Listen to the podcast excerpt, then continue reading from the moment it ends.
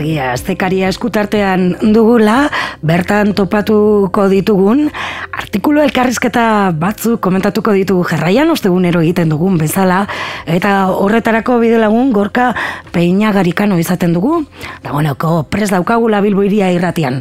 Haupa, eguerdion, gorka? Kaixo, guardi zoi ere.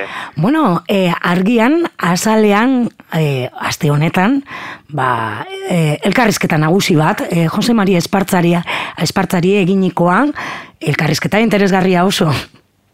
Bai, bai, Jose Maria Espartza, ba, bueno, e, tipo, egia esan mitikoa, ez, idazlea, editorea, Mhm. txalapartaren sortzailea, bueno, e, tazailan jaio, bizi, hazi, ezi, eta eta denetik egindakoa, ba, ekintzaile gorria eta independentista, berak bere burua hola definitu izan du beti, eta eta horretan bihar du, bueno, e, bada kontu bat hor, e, gaztetan egontzen lanean taller batean, eta eta bueno, amiantoarekin lanean, e, duela hilabete batzuk edo atzeman zioten e, minbizia, eta azkenetan da egia esan, elkarrizketa hau ematerakoan ere rai ezilintxetari ala esaten zion, Mhm. eta bueno, e, azkenetan dela Jose Maria Espartza, eta bueno, uste dut, edo, bueno, badirudi bintzat, azken hitzak, azken elkarrizketak e, dagoneko ematen, eta, eta bueno, e, bere estilora, oraindik ere, borrokan segiteko gogoz esaten du, baina, baina Bai. gutxi geratzen zaio. Orain amiantoaren borrokan, eta, bueno, elkarrizketari umore beltza ere dario, e, izugarria izan da e, Jose Maria Espartzaren ibilbidea beraz interesgarria oso, e, bueno, Euskal Herriko historiaz, egoera politikoaz, literaturaz, liburu ez ere esaten duena, e, eta, bueno, ba, bizitakoa handia eta egindakoa ere asko izan delako, ez? Bai, bai, hori da, hori da. E, bueno, izan zen, bueno, pertsona izan zen, izan da esango dugu oraindik barkatu, e, pertsona oso, oso esanguratsua, bueno, bere familia asko hitz egiten du ere tartean, ez? Ba, ba, bueno, bere aitona monak eta Ego Amerikara e, ba, emigratutakoak zirelako, baina e, zortez itzulta erabaki zuten, Mhm. e, bera, bueno, bere gurasoak eta pailan jaiotakoak, eta, eta bueno, bera ere bai. E, bueno, aipatzen du ez, ba, bere familiaren historia osoikoa dela, ba, bertako edo, bueno, tafallako eta herri bere inguruko jendearen artean, eta biera aitonak eta bazirelako karlistak, e, gero aitona monak e, bazirelako la komuneroak eta, bueno, UGT-ren bueltakoak, e, gurasoak berriz e, frankismo garai bete-betean jaiotakoak eta bizitakoak, eta, bueno, e, frankismoaren isilpean e, biziraundakoak, eta hauek aldiz abertzaleak izaten hasi ziren ja pixka bat txikitatik, ez? E, eta abertzaletasunarekin batera independentismoa ere, ba bueno, bere berea bere ganatu zuen, e, sindikalismoan, e, lan pile bat egindako Mhm. pertsona, e, bueno, euskararen, euskal kulturaren alde, e, bueno, e, gauza egia esan dezente kontatzen ditu oroar memoriari buruz, e, Bai. ariketa oso interesgarriak egin izan ditu historian zehar, txalapartari ere, ba, bueno, e, txalapartako goita urte, Urte. baino gehiago baditu, Mhm. eta, eta bueno, bera sortzaile posiziotik ere, ba, bueno, esaten du, eh, txalaparta sortu zuela memoria ariketa bat egiteko, eta orain justu ere, ba, momentua badela ere, ba, memoria ariketak egiten joateko, e, bueno, liburuak e, kaleratzearen garrantzia, ze liburuek izan behar dutela memoria islatzeko eta gure memoria eraikiteko, eraikiteko e, bueno, e, euskarri batzuk, ez? Gustatu Ba, zaite esaten duen esaldi bat, liburuan inguruan, liburuak ez dira soilik denbora pasak, baizik eta ariketa mental bat, eta ahalmen hori ez baduzu, garatzen atrofiatu egiten zara, ez giarrak bezala. Bai, bai, bai, hain justu, hain justu ere horrela, ez? Bai. Eta, eta bueno, esaten du, ba, belaunaldi berriak eta beti Bai. da borroka berria jaiotzen, jende berria jaiotzen, Mhm. eta gizartea pixka bat aldatzen, baina, bueno, e, Euskal Herriari dezente begiratzen dio, e, nahiko ezkorra dela esaten du. Bai. ez, epe ertainari begira, e, bueno, jakina, ez, e, ba, jaiotza tasak Europako txikienak izanik, esaten da, ez, ba, bueno, ba, migrazioarekin eta etorkinekin, ba, betiko direla gure kaleak eta ongi, eta pixka bat positiboki baloratu beharko genukela, baina baita ere aldi berean ekarriko duela horrek, e, ba, bueno, herriaren identitatea galtzeko zentzu bat, ez, eta, eta horri buruz, ez dela kaso hainbeste hitz egiten, e, bueno, badira ez, ba, ideia batzuk, ez, ba, belaunaldi berriak e, konformismoaren eta, bueno, ideologia nagusiaren menpe geratu balira bezala, ez? E, gero eta asimilatuago daukagun e, joera badelako, e, bueno, badaude, badaude lan dezente, e, badagoela lan dezente egiteko esaten du berak, mhm. eta, eta bueno, bera, egia esan nahiko enpeinatua dago, eta urte asko dara horretan, Elizari aurre egiten, Elizak bere ondare materiala, ba, bueno, ez, ba, eipatzen du ez, eta berak borroka hortik egin izan du, eta Europa batasunera ere heldu izan dira bere eskairak, mm esan ez, ba, Elizak beretzat hartu dituela, e, bere garaian erretarrek eraiketako frontoiak, eraikinak eta bai. guztiak. Mhm. Eta Elizak e, inmatrikulatu ditu, bereak izango balita bezala, ez? Eta berak, bueno, pixka bat horretan borrokan diardu, segituko du, eta ez du, ez du amurerik emango elkarrizketan oroar nagusitzen den bezala, ez? Mm segi borrokan eta eta eutxi. Mm Elkarrizketa maiteko aipatzen du, eta hori egia esan asko gustatu zait, e, bueno, nola sindikal gintan hasi zen, e, amiantoarekin topo egin zuen enpresa horretan bertan, ez, amazazki urtarekin sartu zen taller batean lanean, hogei bat urte eman zituen bertan, eta eta bueno, sindikalista egia esan e, bere fundazio horretan e, nahiko ezagunatzela sindikalismo utzi zuen e, abertzaletasunaren eta independentismoaren mm borrokan murgiltzeko eta orain amientoaren gatazka honekin daukan gatazka honekin, ba bueno, gizarte segurantzari eta egin dizkion e, salaketa eta eskaerekin ba berriz ere bizitzak eraman diola sindikalismoa murgiltzera. Mm-hmm. Eta, eta bueno, egia esan elkarrezketako azken hitzak dira, ez? E, madarikatuak izan daitezela, ez? Gizarte segurantzako eta eta berak gaztetan lan egin zuen enpresa horretako arduradunak. Bai, bai, bai, bai, e, e, eta hori, e, esan dugun bezala umorea ere zaio falta, ez, e, duen gaixotasuna duela, e, e, jakinda, ez? Ba, hortxe, Jose Mari Espartzari egindako elkarrizketa, editore, idazle, ekintzaile garrantzitsua Euskal Herrikoa, eta elkarrizketan labur biltzen da, pixka bat, ba, egin duen guztia, ez? Eta zemat e, kontutan e, ibili den. Bueno, ba, hortxe argian, e, elkarrizketa azalera eraman e, duzuena, baina bestelako gai batzuk ere badira. Eta, bueno, ba, berriro ere, e, argian, e, palestinarrei eta gazara begira e, jarri zarete, ez? Bai, ba, diru di pizkat isiltzen ari dela, mm gatazka, ez? E, urtea amaitu bat amaitu eta beste hasi horretan, ba, bueno, nola baitere kronifikatzen ari den bai. gatazka, eta, bueno, gatazka, edo, bueno, Israelek e, Palestinan egiten ari den, sarraskia bera, pizkat dagoeneko isiltzen ariko alitz bezala, ez? Eta, eta bueno, e, egiten ari gara argia baruan ariketa hori ere, mm ba, egunean eguneko informazio hori usteaz gain, artikulo sakonagoak ere egiteko, eta horri begira jarri da Xavier Letona, e, bueno, nola baitere historiari errepaso egin da, orain badaugelako mamu bat, edo, bueno, asmo bat Israelen partetik, palestinar guztiak eta arabi, e, arabiar guztiak e, gazatik e, botatzeko e, ikusten da, bakazari egiten aritzaion erasoa asmoa dela, e, beraiek, bueno, bertako herritarrak bertatik bidaltzea eta Israelek lur hori okupatzea. Apur bat nakbarekin mila bederatzerun eta berrelita sortian gertatu zena, ez? Eta Xavier Letonak hori dakar e, titularera, baina historia bera errepikatuko ote den gazan. E, informatua dezente irakurri ditu edabideakan eta hemen, eta, mhm. eta egia esan, bueno, e, informazio holdea hain handia izanagatik ere, e, bueno, pixka bat izkutuan pasatzen ari den asmoetako bat ere bada hori Israelena.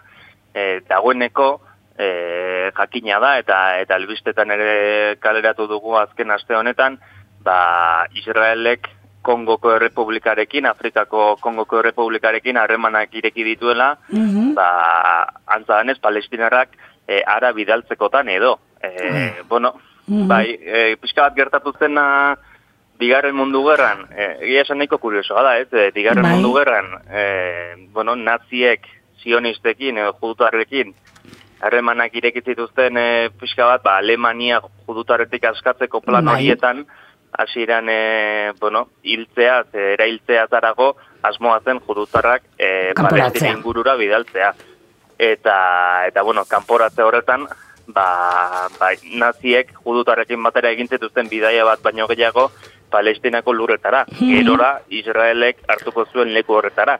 Eta, eta orain bertan ikusten da Israel ere ari dira pixka plan hori egiten, ez? Ba, Kongora bidaltzeko asmotan, garai batean naziek judutarrekin, Madagaskarrekin egin nahi gauza bera da, ba, ba bueno, e, planak ikusten dira hor daudela, eta jardun zionista horiei, ba, pixka bat, ba, bueno, e, salaketa garteaz gain, uste dut artertu beharreko gaia dela, mm -hmm. dagoeneko Israelen ere ari direlako e, mapa batzuk egiten. Bai, eta ba, nola berregingo duten ere, e, honeko horrelako hitzak ere hitz egiten dituzte, eta, bueno, bertan oraindik jendea bizi den bitartean.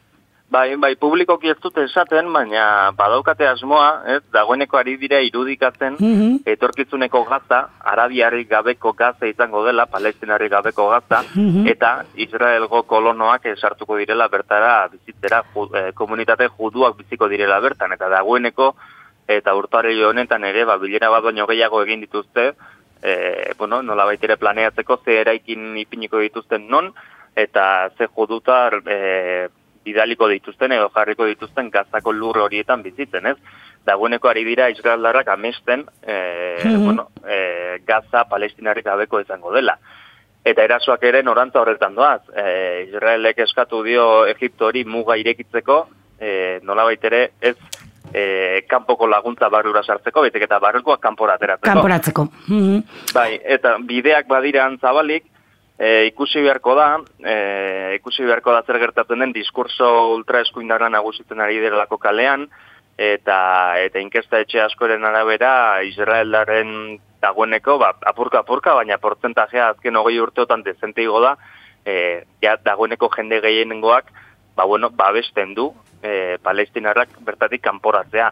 Baina, hor ere diskursoan dago arazoa, e, bueno, nola baitere e, kanporatze voluntarioa e, planteatzen dute Israeldarrek, piskat eta da, ez, e, kanporatzen zaitut, baina zuzuat voluntario mm zaitut nik bidaltzen, eta, bueno, nola baitere diskursori gailentzen ari da, beraz, ba, bueno, erreportak egia esan, nahiko interesgarria gaiari, bueno, beste ertz batetik heltzeko, eta eta hildakoak eta bueno, azugabe beti ere, baina baina bueno, pizka diplomazia eredutik, nazio batuen erakundeak ere ze asmo dituen eta ze gauza planteatzen dituen aztertzeko, ba ba reportaje interesgarria hau Xavier Letonak eginikoa. Mm Bai, eta gaia berriro ere mai gainean jartzeko, aipatu duzun bezala, ba ematen du urte berriarekin ere ohitu garela ikustera, ez? Han gertatzen ari dena, ba, egunerokoan iaia da, dagoeneko, ba, albiste txikia bilakatu, bilakatu dena, ez? E, askotan gertatzen da horrelako e, ekin, baina e, sarraski hau ikaragarria da.